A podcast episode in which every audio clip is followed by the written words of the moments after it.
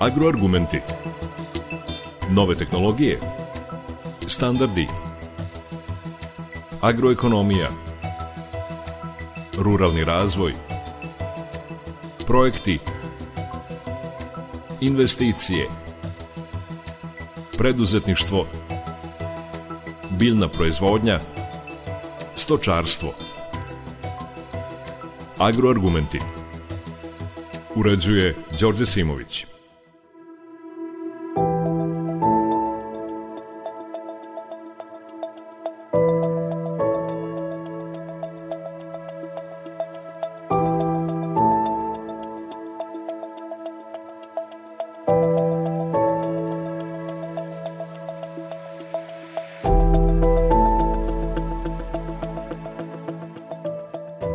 Poštovni slušalci, dobar dan. Pare nisu problem, para nema.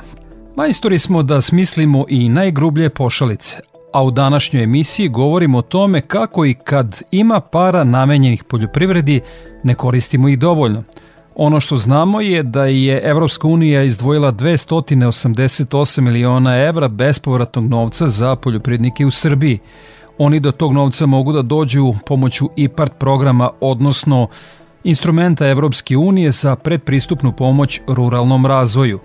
IPART pokriva sve poljoprivredne aktivnosti. Mera 1 investicije u fizičku imovinu poljoprivrednih gazdinstava, mera 3 prerada i marketing poljoprivrednih proizvoda, mera 4 agroekološke i klimatske mere i organska proizvodnja, mera 5 sprovođenje lokalnih strategija ruralnog razvoja, mera 6 investicije u ruralnu javnu infrastrukturu, i mera 7 diverzifikacija poljoprivrednih gazdinstava i razvoj poslovanja.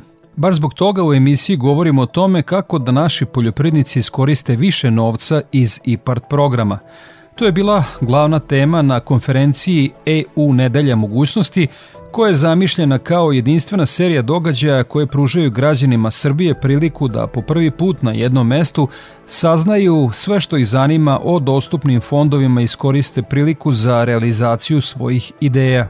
Sesije i debate održane su u Beogradu, Nišu i Novom Sadu i obuhvatile su različite oblasti – ekonomiju, biznis, obrazovanje, mlade, sport, kulturu, medije, civilno društvo, lokalni razvoj, zelenu tranziciju i poljoprivredu o kojoj je govoreno na događaju upriličenom u Novom Sadu Master centru Novosadskog sajma.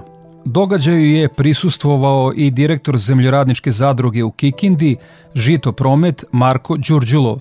On uglavnom IPART hvali i prenosi nam njegova pozitivna iskustva. Koristili smo preko IPART fondova za priključnu mehanizaciju, baš pre koji dan smo potpisali rešenje o isplati, tako da smo faktički završili jedan ciklus.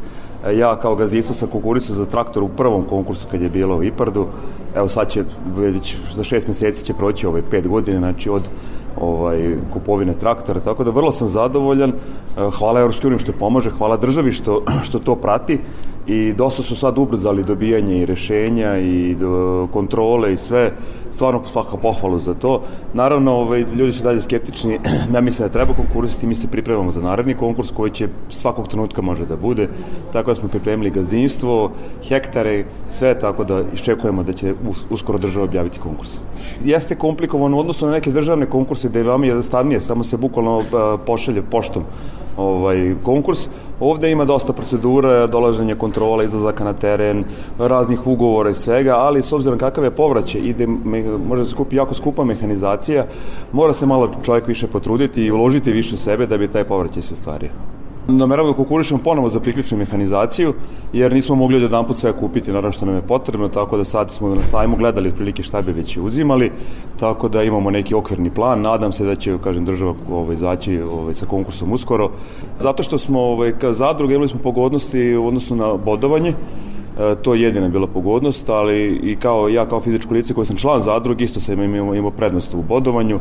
Nešto će sad menjati ovaj, bodovna lista, gde neće više imati prednost ženske osobe, to je u redu što su uradili, tako da pratimo šta rade, mi tako i konkurišemo i vrlo smo zadovoljni.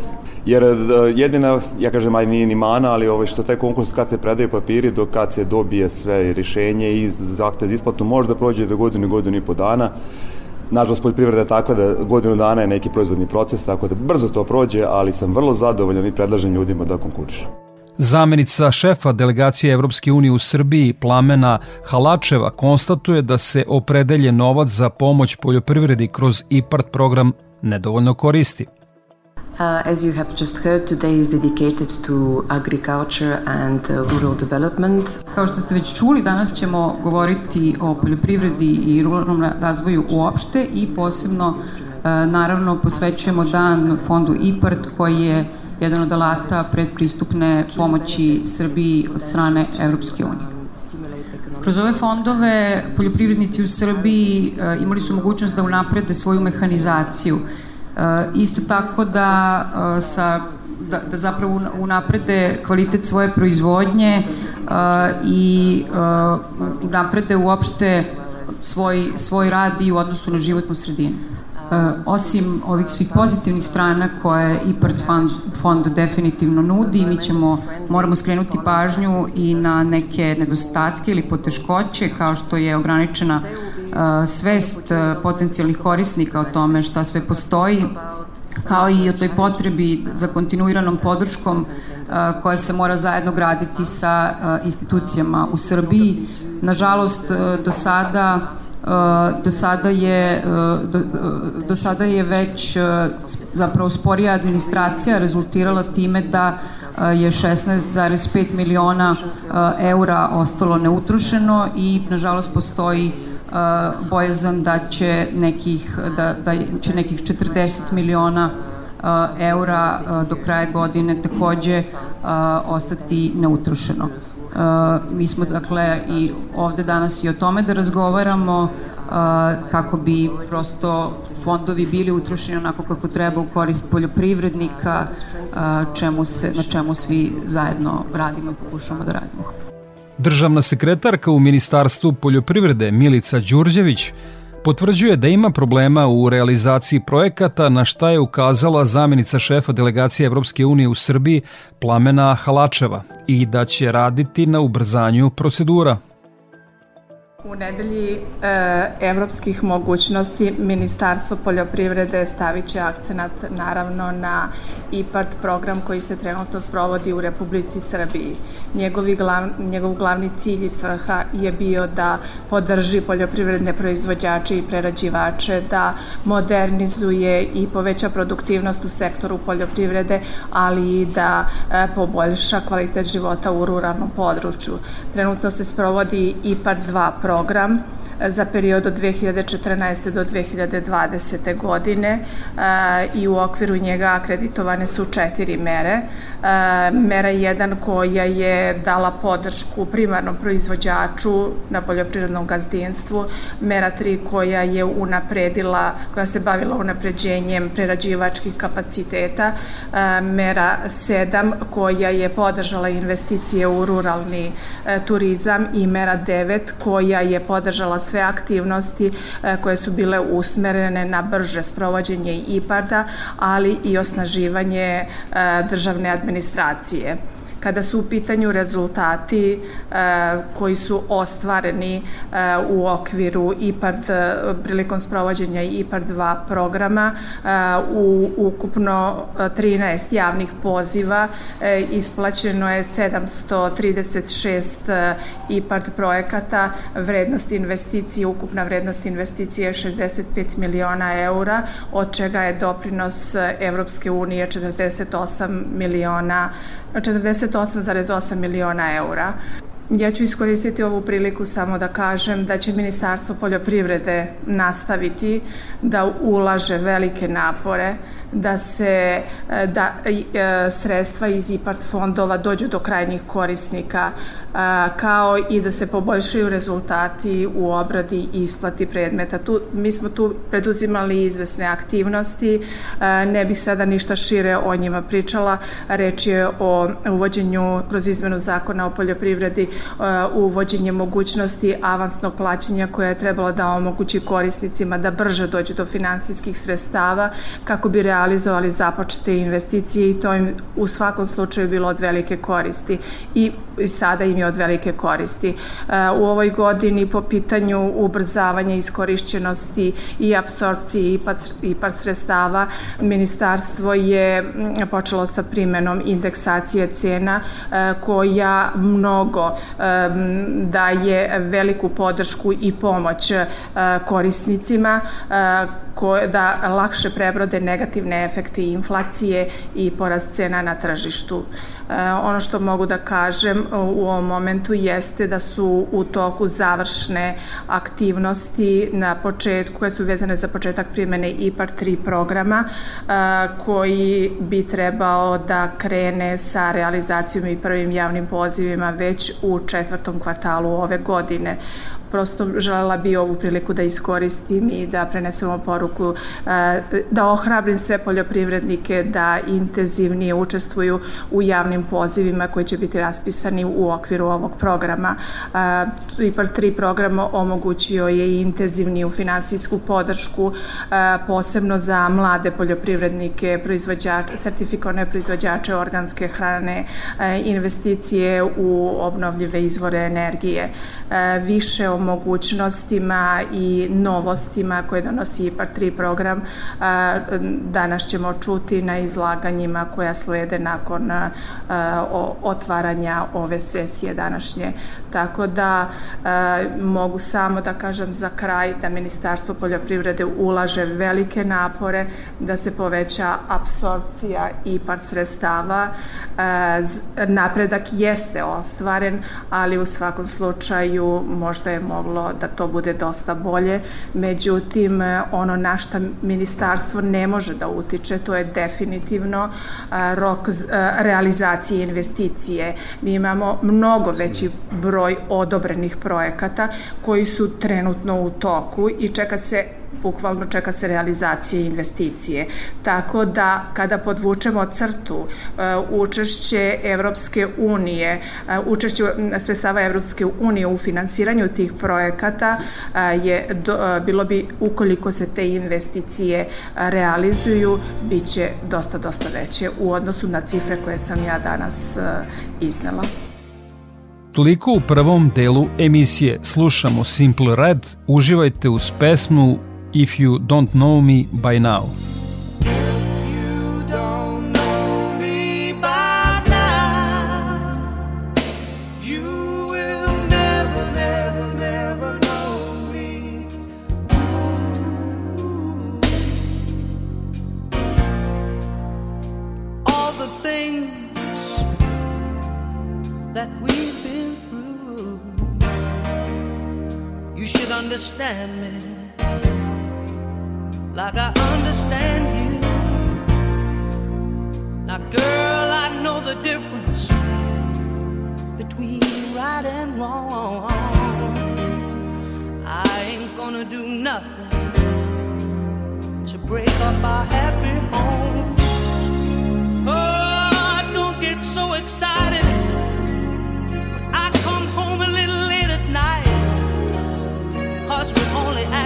children.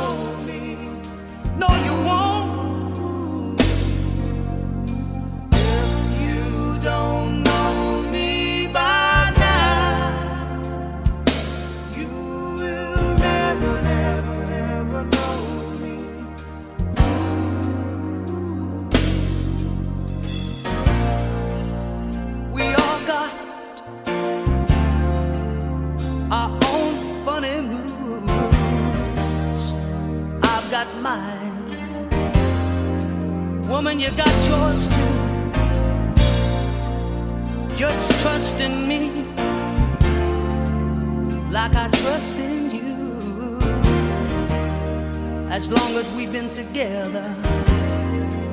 It should be so easy to do. Just get yourself together.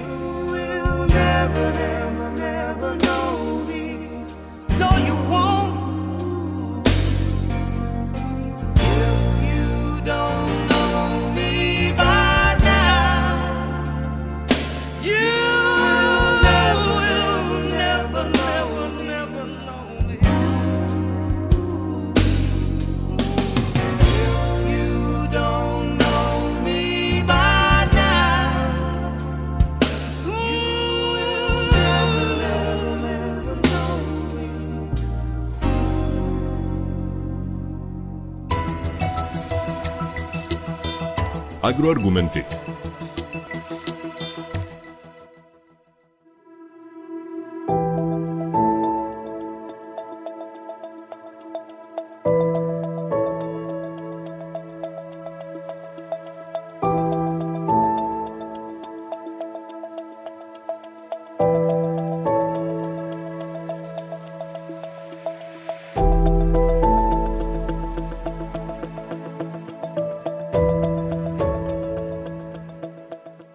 Nastavljamo agroargumente u kojima govorimo o tome kako da naši poljoprivrednici iskoriste više novca iz IPART programa.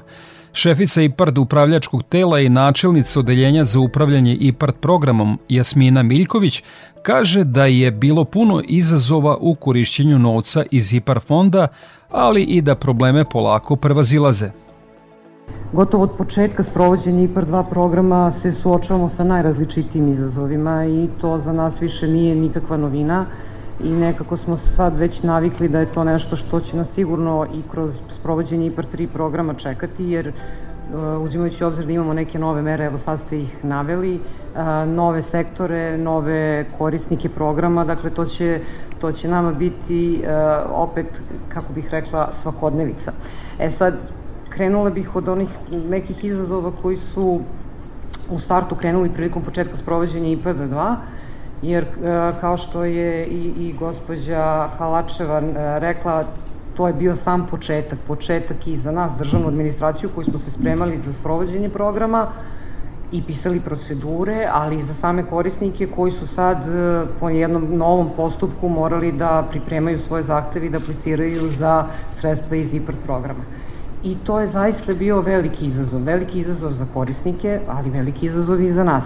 Možda smo kroz IPR 2, i to je da kažem naučena lekcija, neke stvari previše pooštrili, možda i više nego što su bili a, zahtevi Evropske komisije, a pre svega u želji da se zaštitimo a, da ne bi napravili neki od pogrešnih koraka, a s druge strane i korisnici koji su a, možda mislili da a, neki papir i može da se ne dostavi i neke stvari možda mogu u hodu da se rešavaju, ali IPARD je sve samo ne improvizacija. Dakle, kod e, IPARD programa je jako važno da svaki korak bude a, ispoštovan na način kako je propisano pravilnikom i a, da se svaki segment odradi od početka do kraja.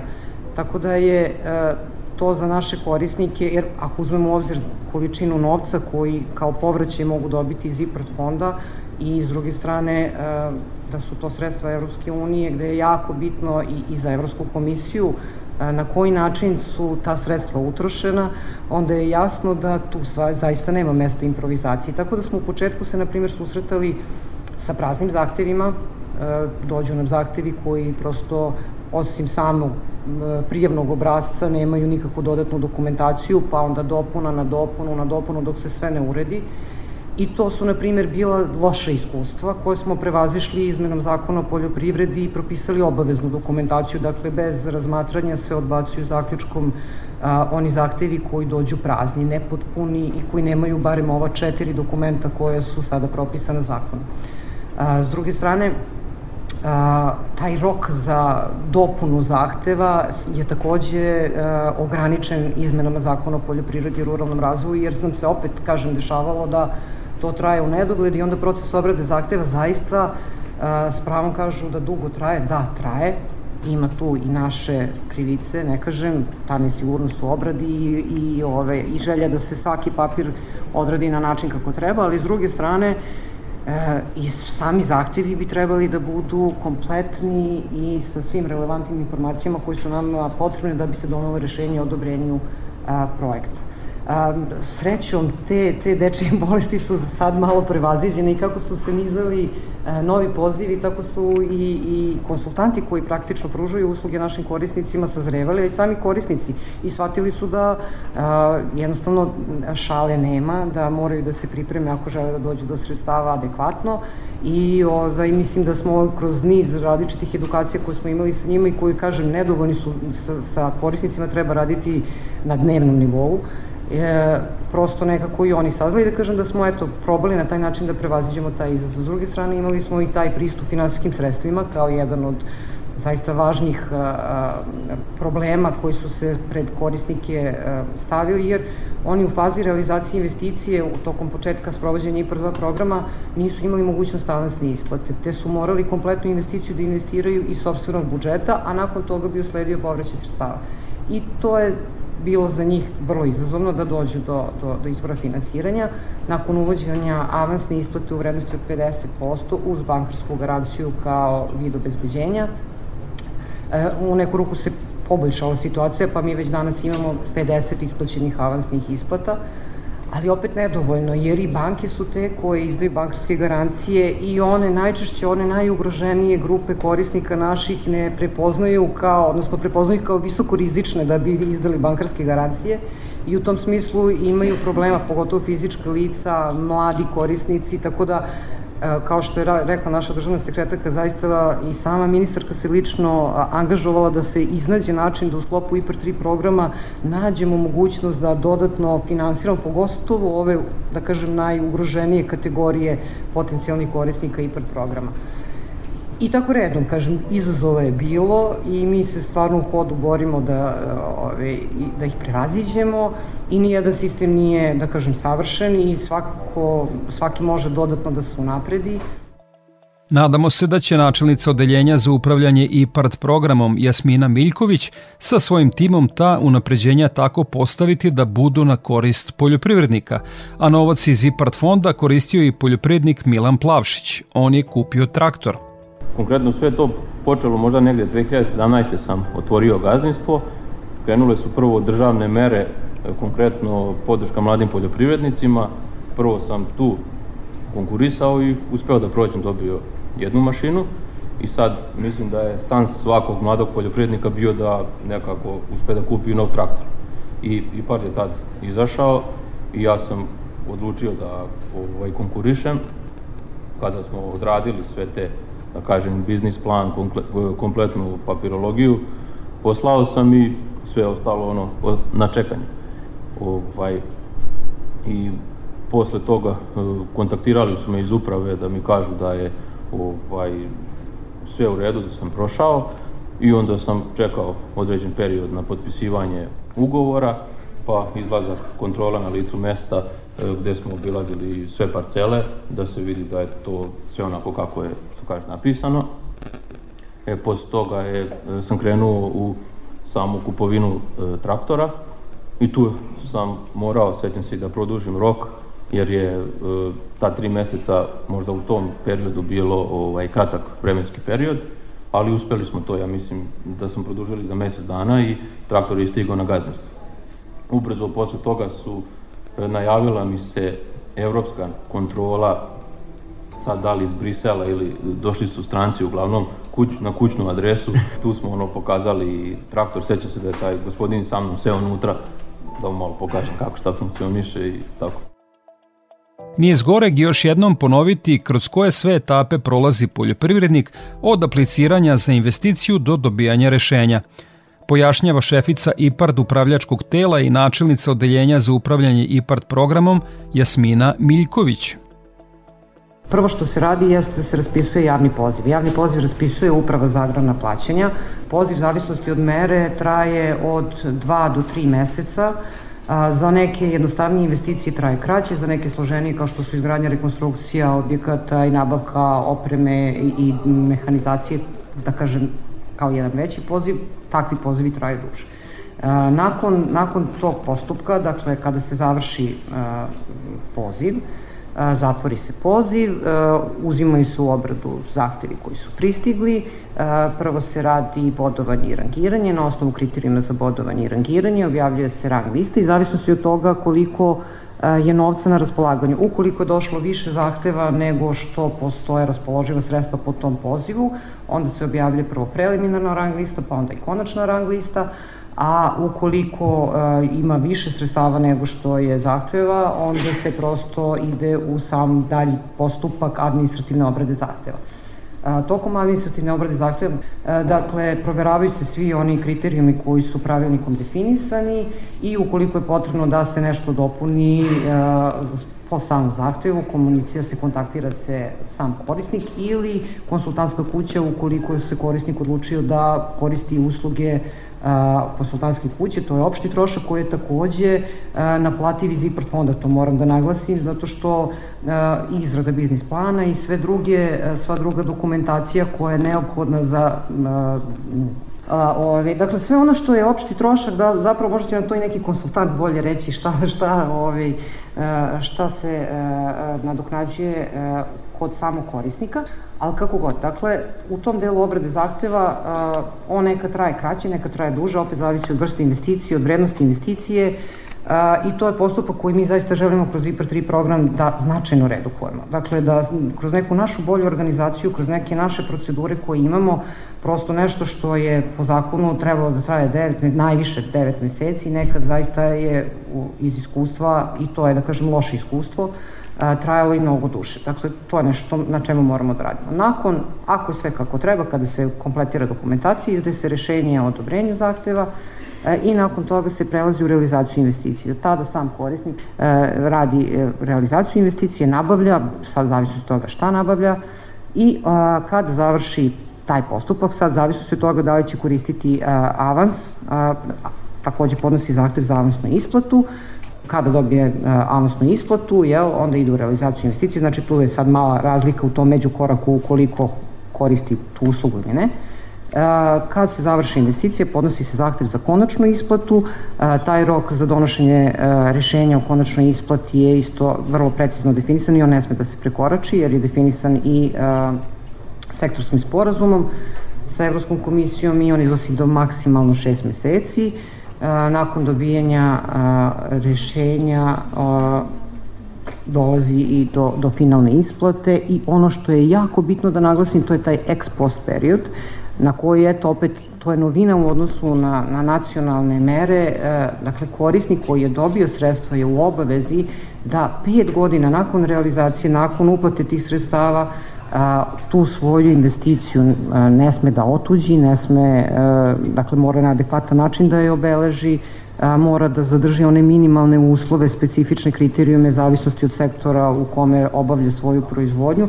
Dakle, zaista mora da se bavi poljoprivredom i u tom periodu kontrola na licu mesta izlazi ne zna se kada, dakle oni rade procenu rizika, to je isto još jedan, da kažem, naš interni, a, interni a, postupak.